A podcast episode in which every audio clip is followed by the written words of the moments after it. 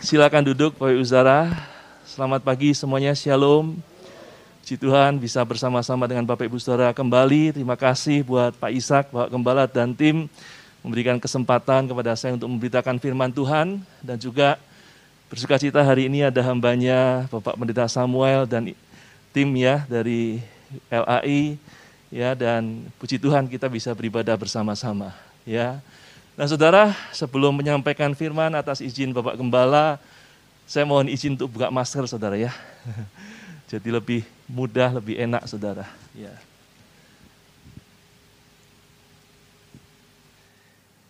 Ya, saudara, nah suaranya lebih jelas saudara ya. Saya ingin menyampaikan firman Tuhan dengan judul Pulih Lebih Cepat, Bangkit Lebih Kuat. Saudara, ini adalah tema atau moto yang dicanangkan oleh pemerintah kita pada waktu kita memperingati Hari Kemerdekaan yang ke-77 ya, tanggal 17 Agustus kemarin. Ya, dan saya sungguh cukup uh, terkesima dengan moto ini, saudara, karena ini sebuah moto yang luar biasa sekali yang memberikan kepada kita pengharapan ya dan semangat untuk kita bisa segera keluar dari segala apa yang sedang terjadi. Amin. Dan saya percaya ini dibutuhkan bukan yang oleh kita, seluruh bangsa di dunia ini sedang mengalami, saudara betul? Dampak dari pandemi yang dua tahun kemarin, ya dua tahun lebih, ya membuat banyak sekali sendi-sendi kehidupan kita yang terpengaruh. Setelah itu ditambah dengan perang yang terjadi, saudara, dan kita semua sedang membutuhkan memang kita supaya kita bisa pulih lebih cepat dan bangkit lebih kuat. Dan kalau pemerintah pun saudara berani mencanangkan tema seperti ini, saya percaya kita lebih-lebih anak-anak Tuhan kita juga harus lebih berani dan percaya punya pengharapan bahwa kita juga akan mengalami. Amin. Pulih lebih cepat dan bangkit lebih kuat karena kita punya Tuhan Allah semesta alam ini Saudara. Amin. Ya. Dan Saudara waktu saya baca tema ini dan saya terus uh, ya renungkan lah ya dan terus terkagum dengan tema ini Saudara. Saya diingatkan tentang dua tokoh di Alkitab Saudara ya tokoh wanita tapi ini luar biasa yaitu Ruth dan Naomi Saudara. Ya, kisah mereka dimulai pada waktu suatu ketika dikatakan di Bethlehem itu dikatakan mengalami kelaparan Saudara. Sehingga sebuah keluarga yang terdiri dari Elimelek dan istrinya Naomi dan juga kedua anaknya Mahlon dan Kilion mereka memutuskan pindah ke Moab Saudara. Ya, dan dikatakan mereka di sana bekerja mungkin berusaha tetapi setelah sampai di Moab nggak berapa lama Elimelek meninggal, saudara. Ya, dan tinggallah Naomi dengan kedua anak laki-lakinya. Dan setelah itu kedua anak lakinya Mahlon dan Kilion mengambil wanita Moab jadi istri mereka, Orpa dan Ruth. Tapi saudara dikatakan nggak berapa lama kemudian kedua anak lelakinya juga meninggal. Mahlon dan Kilion meninggal dunia. Sehingga saudara dikatakan saudara Naomi tinggal dengan kedua menantu wanitanya saudara. Dan dikatakan dalam waktu 10 tahun saudara Naomi kehilangan segala-galanya karena dia berkata bahkan apa yang dia bawa dari Bethlehem itu pun habis saudara. Dengan tangan penuh aku berangkat tapi dengan tangan kosong Tuhan memulangkan aku.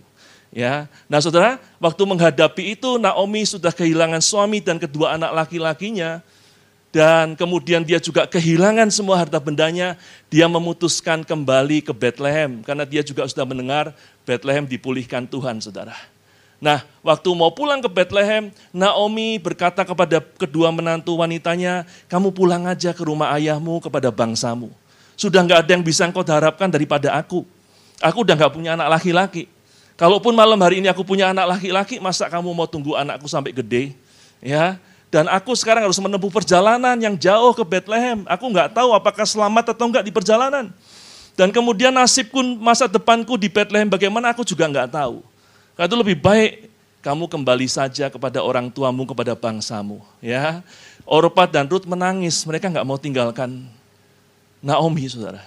Tetapi rupanya waktu Naomi berkata demikian, Orpa meskipun menangis, dia berpikir begini mungkin saudara ya, He juga ya, benar juga apa yang dikatakan oleh mamah mertuaku.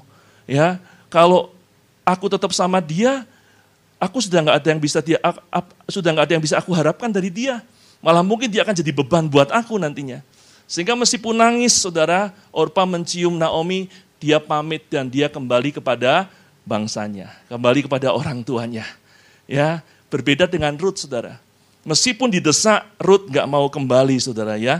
Sehingga saudara, dikatakan dalam Ruth pasal pertama ayat 18 sampai 21 firman Tuhan berkata begini saudara.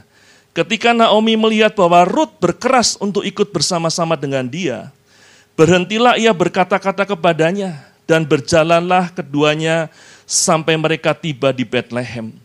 Ketika mereka masuk ke Bethlehem, gemparlah seluruh kota itu karena mereka dan perempuan-perempuan berkata, Naomi kah itu?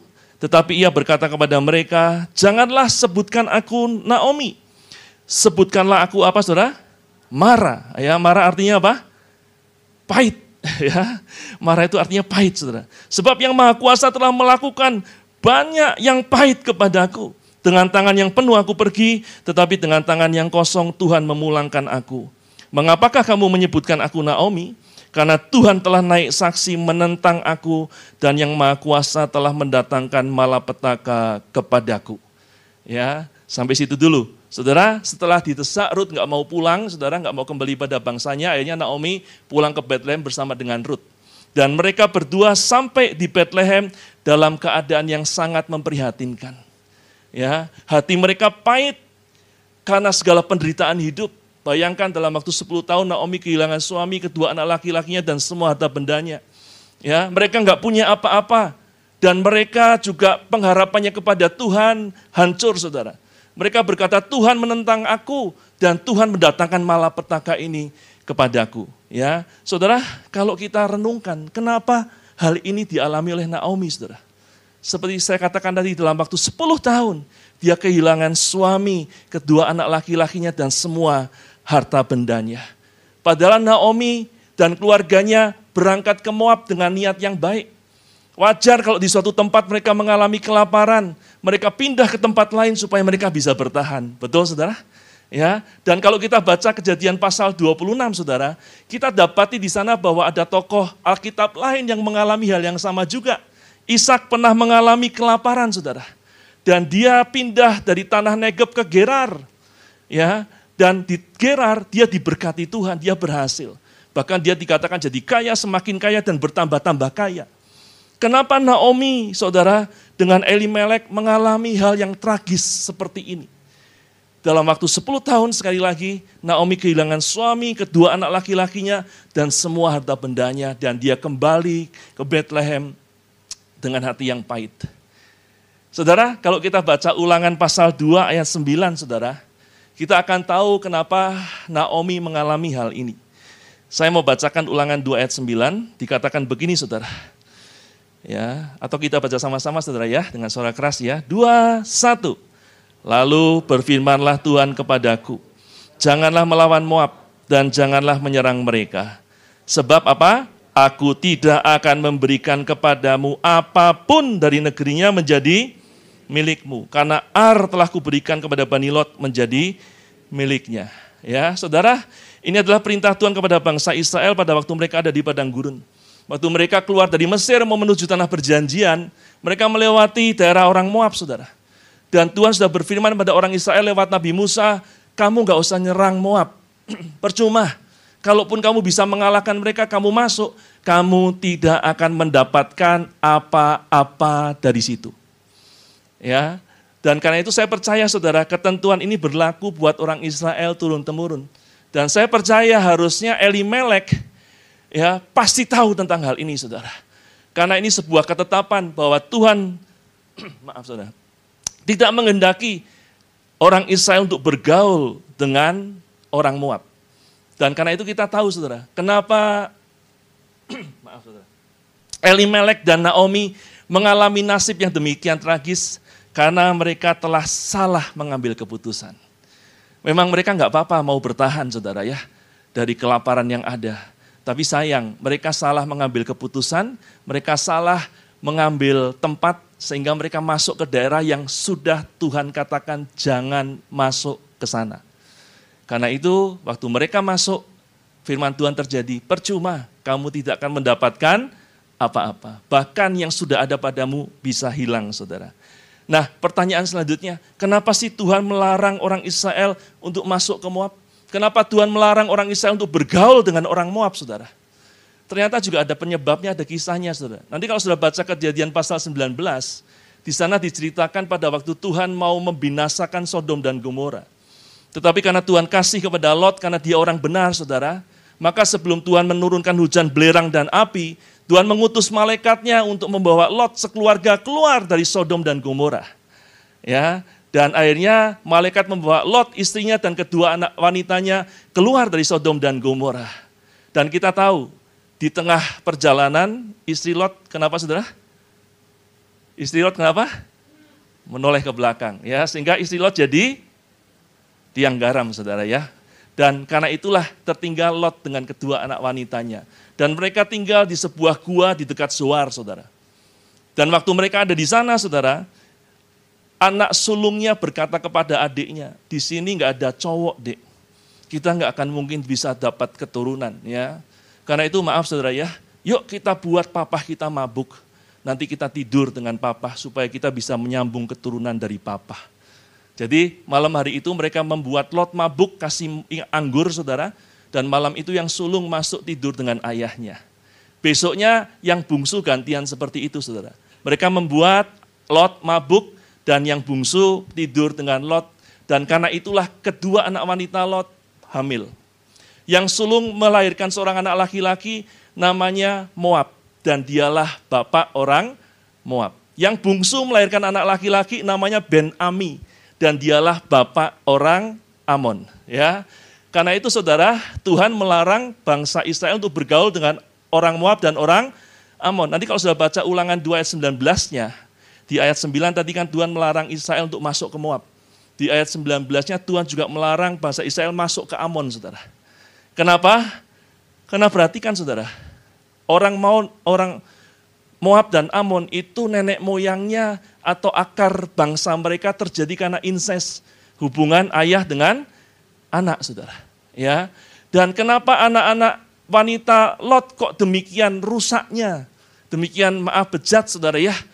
Karena mereka selama ini tinggal di Sodom dan Gomora. Sehingga mereka terkamiri, tercemar dan hidup mereka, karakter mereka nggak bagus. Karena itu Amon dan Moab merupakan penerus orang Sodom dan Gomora. Karena saya percaya kedua anak wanita Lot pasti cara hidupnya nggak beda dengan orang Sodom dan Gomora. Dan karena itu pasti anak-anak mereka, Moab dan Ben Ami, mewarisi cara hidup yang sama juga. Dan karena itulah Tuhan nggak mau orang Israel masuk ke Amon dan Moab. Supaya mereka jangan tercemar ya dengan kehidupan orang-orang yang tidak takut akan Tuhan. Amin saudara. Karena itu Tuhan tidak mengendaki orang Israel masuk ke Amon dan Moab. Dan firman Tuhan terjadi kalau kamu masuk maksa, percuma kamu tidak akan mendapatkan apa-apa. ya. Tapi selain itu juga nanti kalau saudara baca dalam keluaran pasal, maaf bilangan pasal 22 dan ulangan pasal 23, di sana kita akan dapatkan kisah Raja Moab dan Amon namanya Balak, saudara.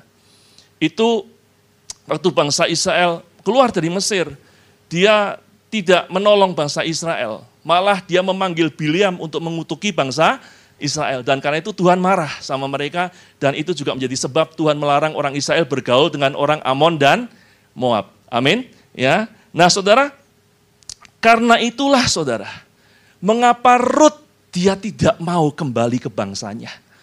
Dia mau ikut sama Naomi, saudara, karena dia tahu akar nenek moyang bangsanya nggak bagus.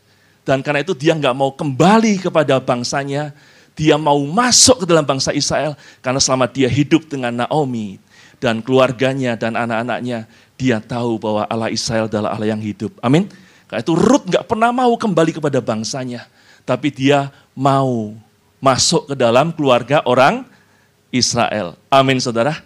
Nah, dari pemaparan ini saudara, saya mendapati bahwa apa yang dialami oleh Naomi dan Ruth itu merupakan dua masalah yang sering dialami oleh anak-anak Tuhan.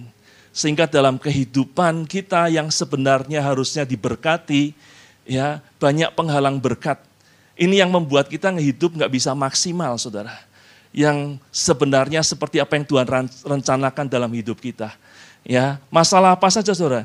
Yang pertama saudara, seperti yang dialami oleh Ruth, banyak anak Tuhan yang mengalami masalah, ada penghalang-penghalang berkat karena masalah-masalah di masa lalu. Dan karena ini belum dibereskan saudara, sehingga itu menghalangi berkat di masa depan. Ya, contoh saudara, banyak anak Tuhan yang mengalami misalnya kegagalan-kegagalan di masa lalu. Peristiwa-peristiwa yang menimbulkan trauma. Hal-hal yang membuat seseorang nggak percaya diri. Itu bisa jadi masalah nggak saudara di kemudian hari? Bisa. Saya percaya Tuhan menjadikan kita serupa segambar dengan Allah, artinya kita diberikan ya berbagai karunia, talenta, kemampuan yang bisa membuat kita maksimal, saudara. Amin. Tapi kalau banyak trauma, banyak ketidakpercayaan diri, banyak kekhawatiran, ketakutan karena masa lalu, kita nggak akan maksimal di masa ini. Termasuk saudara, apa yang disebut dengan kutuk nenek moyang. Ya, saudara, seperti apa yang Ruth alami, saudara bangsa Moab nggak dapat perkenanan Tuhan. Kenapa? Karena nenek moyang mereka. Dan ada anak-anak Tuhan yang juga hidup dengan seperti itu. Saya bukan bermaksud mengajak kita untuk menyalahkan nenek moyang, saudara ya, mengamping hitamkan nenek moyang, bukan. Ya, saya juga tidak berkata, oh pengorbanan Tuhan di kayu salib berarti kurang ya untuk membebaskan kita. Enggak juga. Saudara, korban Kristus di kayu salib sudah membebaskan kita dari semua kutuk. Tetapi saudara, kami melihat, saya melihat, bahwa ternyata nggak semua saudara ya, dalam kehidupan anak-anak Tuhan, ada sebagian anak-anak Tuhan yang dalam hidupnya ada kutuk nenek moyang yang perlu dibereskan secara spesifik, saudara. Amin. Perlu dilayani secara spesifik, ya. Perlu didoakan secara spesifik, saudara. Meskipun dia anak Tuhan, dia sudah percaya, ya. Dan ini berbeda satu dengan yang lain. Dan belum tentu semua orang juga ada seperti ininya. Karena itu kalau misalnya kita nggak ada sesuatu yang perlu dibereskan, nggak apa-apa, sudah nggak perlu takut, nggak perlu khawatir. Karena kalau ada sesuatu yang harus dibereskan dalam hidup kita, dalam diri kita, yang berasal dari masa lalu, pasti roh kudus akan tunjukkan. Amin. Jadi kalau nggak ada, nggak usah dicari-cari, dan kita nggak usah khawatir. Karena ini di luar kemampuan manusia untuk tahu. Ya, memang saudara kalau kita baca firman Tuhan, ada dosa-dosa tertentu yang Tuhan ngomong bahwa konsekuensinya akan ditanggung sampai keturunan ketiga dan keempat. Ya, tetapi sekali lagi, kalau Tuhan tidak tunjukkan berarti tidak ada masalah. Jangan kita ketakutan juga lalu cari-cari ada nggak ya? Tidak perlu saudara. Kalau ada, pasti Tuhan akan tunjukkan. Karena sekali lagi ini di luar kemampuan manusia untuk mengetahuinya. Saudara, beberapa tahun yang lalu saudara sudah cukup lama, mungkin 15 tahun yang lalu lebih saudara ya, uh, pernah ada seorang mahasiswa yang kuliah di Bandung, dia berasal dari kota lain, ya, dan dia kuliah di sebuah perguruan tinggi di kota Bandung ini, ya, dan e, selama dia kuliah di Bandung, dia beribadah bersama dengan kami, dan anaknya baik, anaknya saleh, dia tekun ibadah, melayani Tuhan, tidak neko-neko hidupnya, saudara. Tapi tiba-tiba waktu dia berusia 21 tahun, tiba-tiba dia sering kesurupan, saudara kita juga heran, bingung, kenapa ini? Oh nggak pernah main okultisme kok bisa kesurupan. Tapi inilah saudara, saya katakan tadi, kalau ada sesuatu yang perlu dibereskan dalam diri kita, nanti roh kudus akan tunjukkan. Amin. Roh Kudus akan kirim hamba-hamba Tuhan, pelayan-pelayan Tuhan, rekan seiman yang akan dijadikan saluran alat untuk menunjukkan apa yang perlu dibereskan. Sehingga waktu dilayani, didoakan, dikonseling, akhirnya ketahuan saudara. Ternyata kakeknya ini orang pinter ya dan kakeknya udah nasar. Saya akan turunkan ilmu saya kepada cucu laki-laki saya yang pertama, ya. Dan dia ini adalah cucu laki-lakinya yang pertama. Sehingga meskipun dia tidak mengendaki, Saudara, itu terjadi, Saudara. Ingat otoritas orang tua punya otoritas dalam perkataannya kepada anak-anaknya. Amin. Nah, itu jangan sembarangan dengan perkataan kita kepada anak-anak kita, Saudara. Ya, dan karena kakeknya ngomong seperti itu, Saudara, dan si anak ini sebenarnya nggak mau terima, tapi itu masuk saudara, sehingga itu membuat si anak ini sering kesurupan saudara. Ya, dan akhirnya didoakan, didoakan dan puji Tuhan dia terlepas. Karena itu sekali lagi saudara, kalau ada seperti ini yang perlu dibereskan, pasti Roh Kudus akan tunjukkan. Nggak perlu kita cari-cari, nggak perlu khawatir. Amin. Ya, dan kalau ada pun pasti Tuhan akan lepaskan. Amin. Tapi kita nggak tahu kenapa ini harus dilayani spesifik sih. Ya, Apakah kutuknya si anak ini cuma itu toh? Mungkin enggak juga. Tapi yang lainnya mungkin sudah dibereskan otomatis waktu dia percaya kepada Tuhan Yesus. Tapi kami dapati dalam pelayanan ada hal-hal tertentu yang harus dibereskan secara khusus. Amin. Ya, karena itu saudara, saya mendorong saudara untuk mari terbuka kepada hamba-hamba Tuhan di tempat ini. Supaya kalau ada penghalang-penghalang berkat, Tuhan pakai hamba-hamba Tuhan di tempat ini untuk menolong saudara. Amin. Untuk melepaskan, membebaskan saudara oleh kuasa Tuhan lewat hamba-hamba Tuhan di tempat ini. Mohon maaf, jangan kita hanya datang ibadah selesai pulang. Datang selesai pulang. Tanpa dikenal dan tanpa mengenal para pemimpin di tempat ini. Amin. Karena kalau kita seperti itu rugi, nggak bisa dilayani saudara. Betul? Ya saudara harus punya keluarga jadi keluarga di tempat ini. Amin saudara. Ya karena Tuhan bekerja lewat orang-orang yang ditempatkan Tuhan dalam hidup kita. Nanti saya akan bicara itu juga. Itu yang pertama saudara. Banyak sekali anak-anak Tuhan nggak bisa maksimal hidupnya karena ada masalah-masalah dari masa lalu termasuk kutuk nenek moyang. Yang kedua saudara apa yang Naomi alami? Yaitu salah mengambil keputusan. Salah dalam melakukan sesuatu. Sehingga harusnya Tuhan memberkati kita, tetapi jadi banyak penghalang berkat. Harusnya sudah banyak berkat Tuhan kita terima, tapi karena kita salah ambil keputusan, kita kehilangan apa yang sudah ada pada kita. Contohnya saudara, yang mudah-mudahan gak banyak, ada anak-anak Tuhan yang sudah tahu, ini pekerjaan, ini usaha, ini hal yang gak boleh, ini salah. Ya, nggak berkenan di hadapan Tuhan, bahkan mungkin dilarang terang-terangan oleh firman Tuhan, melanggar hukum ya, tapi masih tetap dilakukan. Ya, kalau kita seperti itu Saudara Tuhan akan ngomong percuma. Kamu tidak akan mendapatkan apa-apa. Bahkan mungkin yang sudah ada padamu akan hilang Saudara. Ya. Ada anak-anak Tuhan yang suka dengan pekerjaan-pekerjaan yang gamblingnya tinggi misalnya. Ya, ada anak-anak Tuhan yang suka dengan misalnya kerjasama-kerjasama investasi-investasi yang menjanjikan hasil yang luar biasa besar. Sampai di luar kewajaran. Tapi ujung-ujungnya apa? Penipuan. Enggak semua investasi salah. Enggak semua pekerjaan usaha kerjasama salah. Amin saudara. Banyak yang benar juga. Tapi hati-hati. Seringkali yang menawarkan sesuatu di luar batas kewajaran itu ujung-ujungnya enggak bagus saudara karena itu jangan sampai kita, karena itu Tuhan ngomong jangan kita cinta uang. Karena itu akan membawa kita pada berbagai-bagai duka, saudara. Amin. Ya. Nah, ini kesalahan-kesalahan yang sering kali saya dapati dalam anak-anak Tuhan, saudara. Seperti Naomi dan Elimelek. Mereka pasti tahu, Tuhan sudah ngomong, kamu nggak boleh gaul sama orang Moab. Jangan masuk ke sana. Kalau kamu masuk, kamu tidak akan mendapatkan apa-apa. Tapi mereka tetap masuk. Sehingga mereka benar terjadi nggak dapat apa-apa, bahkan apa yang ada pada mereka jadi hilang. Ya, saudara ada seorang anak Tuhan, dia sebenarnya orang yang baik, saudara. Tapi sayang dia bergaul dengan seseorang anak Tuhan juga, tapi nggak takut Tuhan, saudara. Dan dari pergaulan itu dia mendapatkan tawaran dari temannya ini, yuk usaha sesuatu komoditas, tapi yang palsu sudah tahu itu salah, pasti berurusan dengan hukum, tapi tetap dilakukan. Dan akhirnya benar, kamu tidak akan mendapatkan apa-apa. Ketahuan, ketangkap, berurusan dengan pihak berwajib, semua yang didapatkan yang awalnya tampaknya besar hilang, bahkan apa yang ada pada dia habis. Uang istrinya juga kebawa, saudara. Untuk membereskan masalah pelanggarannya dia.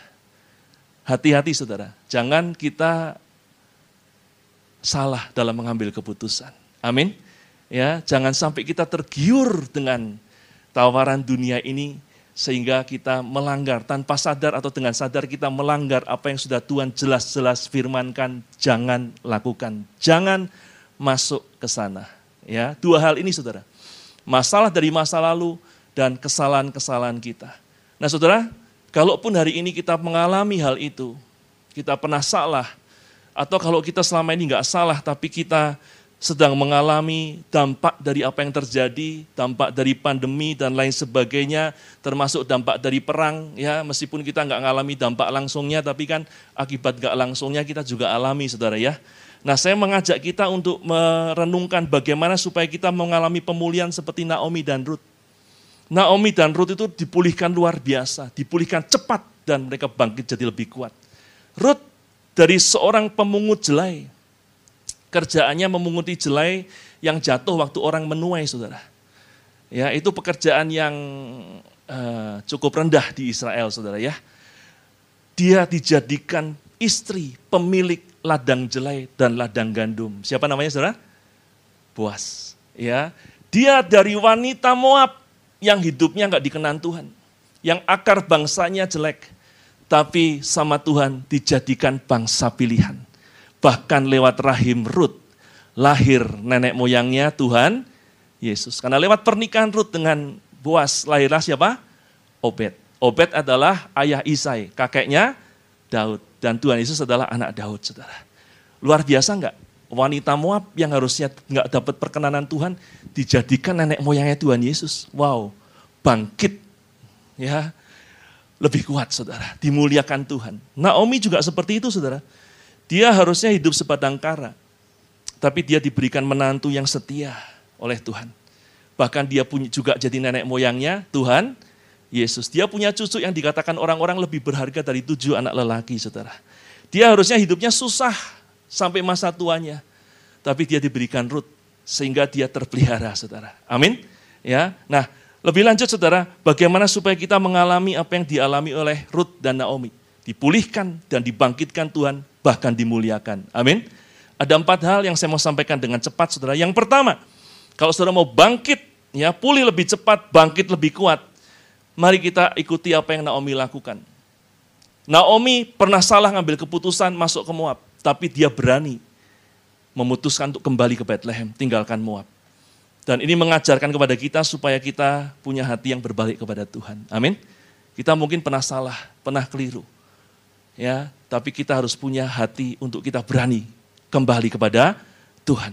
Jangan malah menjauh dari Tuhan. Amin. Saudara mungkin pernah salah, tetapi saudara, Tuhan itu baik. Selama kita masih mau kembali, mau bertobat, Tuhan gak pernah buang kita. Amin. Nah, itu kalau kita salah saudara, mari kita kembali kepada Tuhan. Amin saudara. Dan kalau sudah kembali kepada Tuhan, bereskan apa yang salah dalam diri saudara. Jangan sampai hanya kembali lalu diam-diam saudara. Contoh, saya mendapati bahwa ada anak-anak Tuhan yang misalnya karena jodoh pernah sangkal Tuhan ya tapi kemudian balik lagi kepada Tuhan. Tapi jangan cuma balik, saudara. Apa yang dia lakukan penyangkalannya harus dibereskan. Amin. Ya, misalnya lagi karena pekerjaan, karena uang, sangkal Tuhan misalnya. Ayo saudara, itu juga harus dibereskan. Jangan hanya kembali kepada Tuhan, toh. Amin. Ya, tapi bereskan sampai itu clear. Sehingga nggak ada beban lagi, nggak ada ganjelan dalam hatimu. Amin. Kalau saudara misalnya dulu waktu susah, Saudara sungguh-sungguh sama Tuhan, ya. Sekarang sudah ditolong Tuhan, eh tinggalkan gereja. Dulunya ibadah rajin, sekarang bolong-bolong, ya. Kadang lama nggak ibadah. Ayo kembali. Sungguh-sungguh ibadah. Setelah saudara kembali ke rumah Tuhan, jangan keluar dari sana.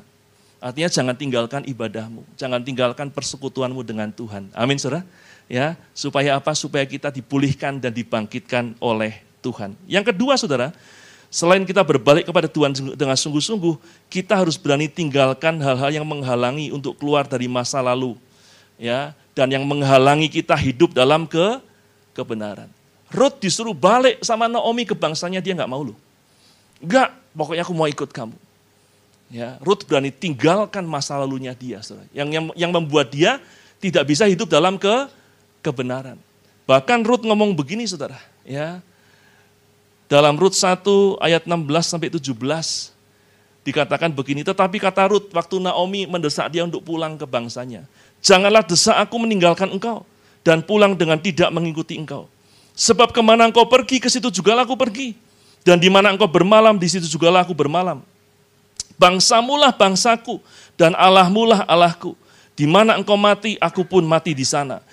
dan di sanalah aku, aku dikuburkan. Beginilah kiranya Tuhan menghukum aku Bahkan lebih lagi daripada itu, jikalau sesuatu apa pun memisahkan aku daripada engkau selain daripada maut.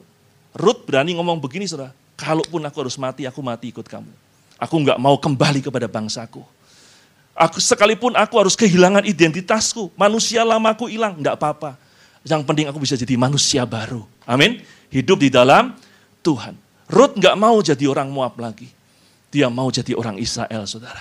Karena itu dia mau tetap ikut Ruth, apa pun resikonya, bahkan mati pun dia berani saudara. Amin. Ya, tinggalkan masa lalu kita saudara. Dan setelah itu kita hidup baru di dalam Tuhan. Amin. Jangan ada yang membiarkan kita kembali kepada masa lalu kita. Apa pun, bahkan sampai nyawa pun, kita harus berani korbankan. Karena kita tahu saudara, hanya ada kehidupan di dalam Tuhan Yesus. Amin. Ya, saudara ini ada sebuah kisah nyata, saudara ada seorang anak Tuhan, ya, dia bekerja di sebuah perusahaan dan karena pekerjaannya ini dia harus selalu melakukan manipulasi, tapi penghasilannya gede, saudara. Waktu dia sungguh-sungguh sama Tuhan, dia nggak sejahtera dengan hal ini. Dan dia mengambil keputusan yang sangat tepat, dia tinggalkan pekerjaannya. Ya, dulunya sebelum sungguh-sungguh sama Tuhan sih fine-fine aja saudara ya. Tinggal manipulasi aman kok, penghasilan gede. Tapi waktu dia sungguh-sungguh sama Tuhan, itu mengganggu dia. Dan dia berani ambil keputusan untuk tinggalkan. Dan hari ini penghasilannya nggak sebesar yang dulu. Tapi dia hidup lebih damai sejahtera. Dan dia nggak pernah kekurangan. Tuhan pelihara senantiasa. Amin. Ya, kita harus berani meninggalkan masa lalu kita yang menghalangi kita untuk hidup dalam kebenaran. Kita harus berani meninggalkan orang-orang yang menghalangi kita untuk jadi diri kita yang sebenarnya manusia baru di dalam Kristus. Seorang aktor namanya Tom Holland, pemeran Spider-Man di serial No Way Home, saudara. Dia memiliki 67,7 juta, 67,7 juta followers di Instagram dan Twitter. Tetapi karena hal itu membuat dia nggak bisa hidup sebagaimana dirinya adanya. Mungkin harus banyak ya menghadapi pertanyaan-pertanyaan, mengikuti keinginan orang banyak itu mengganggu dia sehingga dikatakan dia mengalami gangguan kesehatan mental. Dan dia matikan dua hal itu saudara. Instagram dan Twitternya. Padahal itu sumber ketenarannya dia dan mungkin sumber penghasilannya dia juga saudara. Tapi membuat dia tidak bisa menjadi seperti dirinya sendiri dia berani tinggalkan. Kita juga harus seperti itu, saudara. Amin. Setelah kita tinggalkan masa lalu kita, kita tinggalkan orang-orang masa lalu kita yang menghalangi kita untuk hidup dalam kebenaran. Yang ketiga, kita harus punya komunitas orang percaya. Amin. Saudara harus punya saudara seiman yang akan selalu menopang saudara untuk saudara tekun dalam kebenaran. Saudara harus punya pemimpin-pemimpin rohani yang akan berjaga-jaga mendoakan saudara, melayani saudara pada waktu saudara sedang dalam pergumulan. Amin. Supaya apa? Supaya kita tetap kuat ada di dalam kebenaran, hidup dalam kebenaran. Saudara perhatikan, Ruth nggak nggak akan pernah dipulihkan kalau nggak ada Naomi. Amin. Ya, kenapa? Karena Naomi lah yang mengarahkan Ruth. Kamu harus begini, kamu harus begitu, kamu ke ladang sini, ke ladang situ. Kamu ngomong gini sama Boas. Kamu diem aja nanti dia Boas akan gini, gini, gini, gini. Sehingga Ruth nurut. Dan karena itu dia dipulihkan, saudara. Amin. Dan Naomi juga tidak akan diberkati kalau nggak ada Ruth, saudara. Karena itu saudara harus mengenali orang-orang yang Tuhan tempatkan dalam hidupmu. Supaya Tuhan bekerja lewat mereka, sehingga engkau diberkati, dan engkau jadi berkat buat mereka. Amin saudara. Dan itu yang ketiga, setelah saudara temukan orang-orang ini, komunitas rohanimu. Yang keempat, yang terakhir, jangan tinggalkan orang-orang yang sudah Tuhan berikan dalam hidupmu. Untuk jadi keluargamu, komunitas rohanimu. Untuk jadi saluran berkat Tuhan bagi dirimu. Amin. Ya, jangan jadi orang yang suka meninggalkan. Orpa menangis waktu disuruh tinggalkan Naomi. Tapi toh akhirnya dia tinggalkan Naomi, saudara. Dalam Rut 1 ayat 14 dikatakan, Menangis pula mereka, Orpa dan Rut dengan suara keras. Lalu Orpa mencium mertuanya, ia minta diri. Tetapi Rut tetap berpaut kepadanya. Orpa sudah dimasukkan oleh Tuhan dalam keluarga orang Israel. Tapi sayang, dia tinggalkan Naomi sehingga dia kembali kepada bangsanya. Dia orang Moab dan sudah Tuhan masukkan mau dijadikan keluarga orang Israel. Tapi dia meninggalkan Naomi yang Tuhan tempatkan dalam hidupnya untuk jadi saluran, saluran berkat buat dia. Sehingga dia kembali menjadi orang Moab. Amin saudara. Berbeda dengan Ruth. Dia orang Moab memang. Tetapi Tuhan berikan Naomi dalam hidupnya dan dia setia dengan Naomi. Dan karena itu hidupnya diubahkan. Dia jadi orang Israel bahkan dipakai Tuhan, dipilih Tuhan jadi nenek moyangnya Tuhan Yesus. Sedangkan saudara tahu Orpa masa depannya bagaimana? Sastra rabinik saudara, ya ini bukan di dalam Alkitab tapi dari apa yang dituliskan oleh dalam budaya orang Israel, Orpa itu disamakan dengan Harafa. Dan Harafa itu adalah ibu dari empat raksasa Filistin yang dibunuh oleh Daud dan perwiranya. Ya, Orpa atau Harafa adalah ibu dari Goliat, Isi Benob, Lasmi, dan Saf. Ini empat raksasa ya yang menjadi musuh orang Israel dan dibunuh oleh Daud dan tentaranya. Saudara perhatikan, Orpa dan Ruth sama-sama dipilih Tuhan untuk masuk dalam keluarga Israel. Tapi karena Orpa tinggalkan Naomi, air hidup mereka berbeda. Ruth dipilih Tuhan untuk jadi nenek moyang Tuhan, Tuhan Yesus. Orpa dipilih, bukan dipilih ya. Orpa menjadikan dirinya nenek moyang musuh Israel yang dibinasakan oleh Tuhan. Kenapa? Karena dia nggak setia, saudara. Amsal 20 ayat 6 berkata, banyak orang menyebut diri baik hati. Tapi orang yang setia siapakah yang menemukannya? Jangan hanya jadi orang yang baik, tapi jadilah orang yang setia. Amin. Bagaimana kita jadi orang yang setia? Kita harus setia kepada Tuhan. Jangan tinggalkan Tuhan. Amin. Tapi juga jangan tinggalkan orang-orang yang Tuhan tempatkan dalam hidupmu. Untuk jadi berkat bagimu dan kau jadi berkat buat mereka. Kenali orang-orang itu dan setia dengan mereka. Amin saudara. Ya, jangan tinggalkan keluargamu. Jangan tinggalkan saudara-saudara seimanmu, keluarga rohanimu Jangan tinggalkan pemimpin rohanimu, setia dengan mereka. Karena saudara ditempatkan oleh Tuhan bersama-sama dengan mereka. Supaya mereka jadi berkat buat saudara dan saudara jadi berkat buat mereka. Amin saudara. Kalau kita setia, kita akan pulih lebih cepat dan bangkit lebih kuat. Pak Ishak mohon izin uh, molor sedikit. Pak Ishak, saya mau tutup firman ini dengan sebuah kisah nyata saudara. Ada seorang ibu saudara, dia dan suaminya nggak ada pekerjaan sehingga nggak ada penghasilan. Dan kemudian ada, ada sekelompok ibu yang terbeban untuk menolong dia. Ibu ini punya keahlian untuk bikin kue, saudara. Dan kuenya memang, memang enak ya. Dan karena itu sekelompok ibu-ibu ini ngomong, ayo kamu bikin, kamu mau bisa bikin apa? Nanti kami yang tawarkan ke teman-teman kami. Ya, sehingga saudara si ibu ini uh, semua yang dia bisa buat kuenya disampaikan dan di istilahnya open PO saudara ya, disampaikan kepada teman-temannya sekelompok ibu-ibu ini. Ya, dan akhirnya wah dalam waktu singkat saudara, itu pesanan banyak sekali. Dan rupanya saudara si ibu ini ngitung ya. Waduh, untungnya besar juga ya. Kok aku dapatnya cuma segini? Padahal saudara, ibu-ibu ini, sekelompok ibu-ibu ini punya planning, punya rencana. Nantinya dia mereka pengen supaya ibu ini buka cuma open PO tapi bisa punya toko kue sendiri. Mungkin sederhanalah awalnya. Ya, tetapi saudara, rupanya ibu ini nggak sabar menunggu hal itu. Waktu ada orang menawarkan kepada dia untuk kasih modal, akhirnya dia tinggalkan ibu-ibu ini saudara. Dia milih untuk usaha sendiri. Dia mungkin berpikir kalau aku sendirian untungnya buat aku semua. Ya kan? Tapi sayang saudara, Rupanya janji itu nggak bisa dipenuhi karena berbagai, berbagai hal. Sehingga ibu ini nggak dapat modal seperti yang dijanjikan. Dan dulunya kan banyak pesanan karena yang tawarin kan ibu-ibu ini saudara. Ibu-ibu ini kan banyak dan temennya juga banyak sehingga pesanannya juga banyak. Waktu dia jalan sendiri, ya awalnya ada sedikit lah ya, tapi lama-lama menurun. Sehingga dari nggak punya pekerjaan, ya kembali lagi nggak punya pekerjaan. Padahal Tuhan sudah punya rencana yang baik buat ibu ini. Amin. Kenapa? Enggak setia, saudara. Karena itu sekali lagi, kenali orang-orang yang Tuhan tempatkan dalam hidupmu untuk jadi berkat buat kita. Dan kita jadi berkat buat mereka. Amin. Dan setelah itu setia dengan mereka. Jangan tinggalkan. Perhatikan sedikit lagi saudara. Ruth memang ada saatnya dia melihat tidak ada yang bisa diharapkan, diharapkan dari Naomi.